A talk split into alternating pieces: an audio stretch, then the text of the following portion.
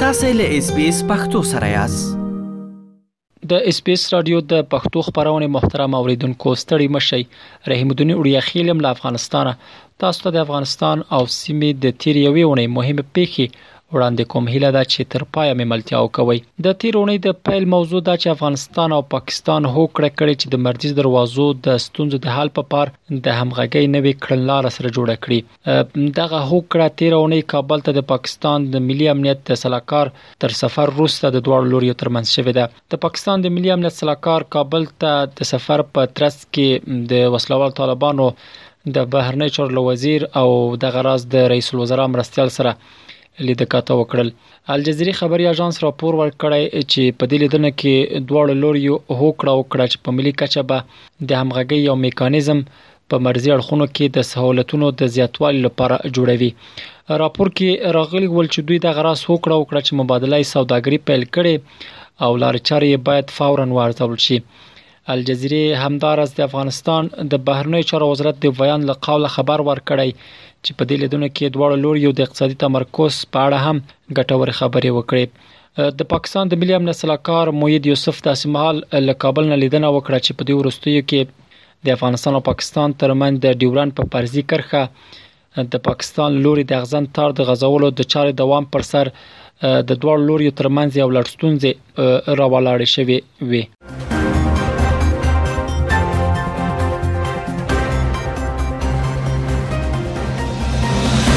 ملګرو ملتونو د تیر اونۍ د یک شنبه په ورځ یو راپور کې وویل چې طالبان او متحدین یې د اگست میاشتې له 15مې راهیسې چې په کابل کې واک ته رسیدلی څه باندې سل تنه کسان وژلي چې دا کسان د افغانستان د مخکینی حکومت مامورین د امنیتي ځواکونو غړي او یا هم هغه افغانان و چې د نړیوالو ځواکونو سره یې کار کاوه د راپور کې د ملګرو ملتونو عمومي منشي انټونی کوتریش له قوله راغلی چې د وسلوالو طالبانو لوري د عمومي عفوې باوجود په کابل کې د ملګرو ملتونو مرستندوی ادارې یوناما ته د دې کسانو د وژل کېدو په جبري توګه غیب کېدو او نورو سرغړونو په هکله د اعتبار وړ ادعاوې رسیدلې دي. په راپور کې همداراز ویل شوي چې طالبان او یا متحدین یې د دې کسانو د دریو څخه دوه برخې یې د محکمې حکم پرته وژلي دي. یوناما ویلي چې له دې ډلې د څه باندې سلو کسانو د وژل کېدو په هکله یې راپورونه ترلاسه کړي چې دا ورته د اعتبار وړ ښکاري. راپور کې دا هم راغلي چې په افغانستان کې د مطبوعاتو په کارکونکو او د بشري حقوقو په مدافعینو بریدونه د هغوی خپل سری نیونه ناوړه چلن او وژنې هم ادامه لري وسلوال طالبانو بیا د ملګرو ملتونو د راپور په خبرګون کې ویلي چې دوی ځواکونو ورسته له عمومي عفوې هیڅوک نه دی لمنځه وړي دوی له ملګرو ملتونو غوښتي چې د افغانستان په اړه د ځینو مغروزو کړیو پر معلوماتو د تکیه نه کوي خو له دې ټولو کتیر سو په دې ورستوي کې د وسلوال طالبان لوري د افغانستان په یو شمېر ولایتونو کې د مخکنی حکومت مامورین په تیره د امنیت د امنیتي ځواکونو په تیره د امنیتي ځواکونو د وژل کېدو غیب کېدو او نیول کېدو راپورونه ورکړل شوې دي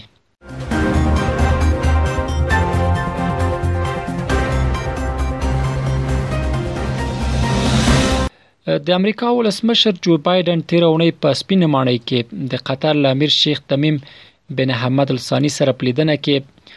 د دواړو هیوادونو دواړخیزو مسایلو سربېره د افغانستان په اړه خبرې وکړې د راپورونو لمخې دواړو لوریو په دې لیدنه کې هوکړه وکړه چې د افغانانو د ملاتړ لپاره به خپل ګډ کار ته دوام ورکوي همدارس د قطر امیر په خپل د سفر کې د بایدن سربیره د امریکا د دفاع وزارت له وزیر لوید سټین سره هم لیده کاته وکړل او دواړو لور د افغانستان په وضعیت خبرې وکړې پنټاګون له دې لیدنې وروسته په یو خبرپاڼه کې وویل چې جنرال سټین د قطر له امیر څخه په افغانستان کې د امریکا د دوامدار ملاتړ له امله مننه وکړه اخوا د قطر امیر هم ویلي چې په افغانستان کې باید لا ډیر څه وشي خو دا ټول په داسې حال کې ده چې امریکا ویلي چې قطر به افغانستان کې ډیپلوماټیک استازولي کوي د طالبانو حکومت هم له امریکا سره د قطر د خو اړیکو په اړه مثبت نظر لري ځکه پر دوی هم اغیز کم نه دی دوحه له دوه زره او دیارلسم کال راهیسې د طالبانو د سیاسي دفتر کوربه ده او داسې هم ویل کېږي چې لا هم د یو شمېر طالب مشرانو کورنۍ هلته میشتې دي.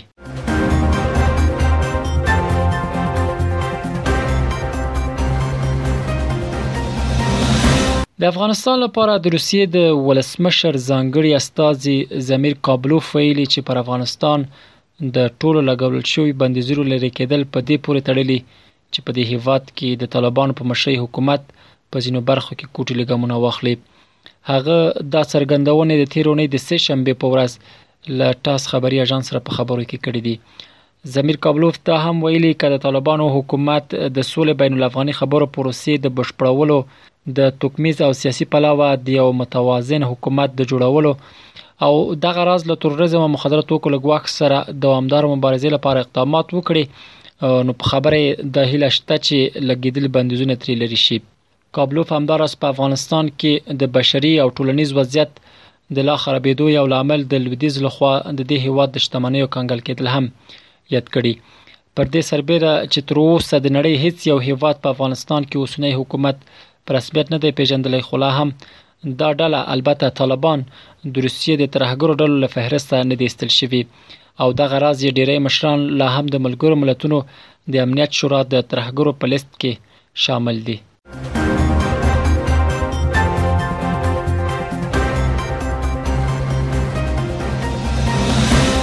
قطر او وسله والو طالبانو بیا هوکړه کړې چې له افغانستانه د هغو افغانانو د تخلیې پروګرام به بیا پیل کړي چې له خطر سره مخ دي دا خبره د قطر د بهرنیو چارو وزیر محمد بن عبدالرحمن الثاني امریکایي خبريالانو سره په خبرو کې کړي هغه وویل چې دوی د افغانستان له نوي حکومت سره د هوکړې تر رسیدلي چې په اونۍ کې به دوه چارتر شوي پروازونه کیږي د قطر د بهرنیو چارو وزیر ویلي چې دا پروازونه متحده ایالاتو او نور هیوادونو ته د بهرنیو هیوادونو د اوسیدونکو او له خطر سره مخامخ افغانان استلو زمينه برابروي تر دې وړاندې د افغانستان څخه د امریکا د بشپړ وتلو وروسته له کابل څخه د تخلیه پروازونه د قطر د چارتر شوی الوتکو په مرسته ترسره کېدل خو دغه پروازونه بیا په ورستیو کې البته د دسمبر میاشتې په لومړیو کې د طالبانو د مخالفت لامل ودرېدل د طالبانو د مخالفت دلیل هم په پروازونو کې د دې ډلې کسانو لپاره د څوکۍ نه ځنګړي کول خودل شوی ول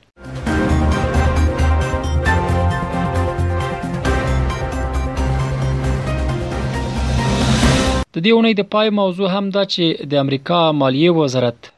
ټول نړیوالو بانکونو ته د دې اجازه ورکړه چې د بشري مرستو لپاره افغانستان ته پیسې واستوي د وزارت په خپل یو بیسر اقدام کې وویل چې مرسته رسونکې ډلې کولای شي پر وسلوال طالبانو د لګیدلو بندیزونو څخه د سرغړونې لویره پرته په دولتي اداراتو کې د ښوونکو او روغتي کارکونکو تنخواوي ورکړي د امریکا د مالیه وزارت دا هم ویل چې بانکونه د لبندیزونو او محدودیتونو ویره نه لري ځکه بشر دوستانه خدمات لبندیزونو په امان دي او امریکا په دې برخه کې خپل وضاحت ورکړی دی د امریکا د مالیه وزارت د تیر کال په سپټمبر او دسمبر میاشتو کې له افغانستان سره د بشري مرستو په هدف له بندیزونو څخه استثناات خبره کړل تر دې وړاندې نړیوال بانکونو د دې لپاره چې د امریکا له تعزیراتو سره مخ نشي افغانستان ته د پیسو پاستولو کې له احتیاط کار اخیسته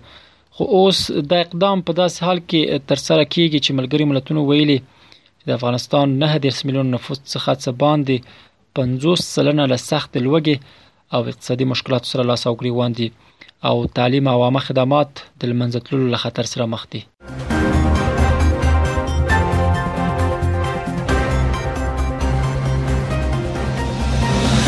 دا ول د تیرې یوې ونې د افغانستان او سیمې مهمه پیښه چې متاسو ته وړاندې کړې تر بیا ښې چارې اس پی اس پختو په فیسبوک کې تا کې پلی مطلب یو فاک کړئ نظر ور کړئ او له نورو سره شریک کړئ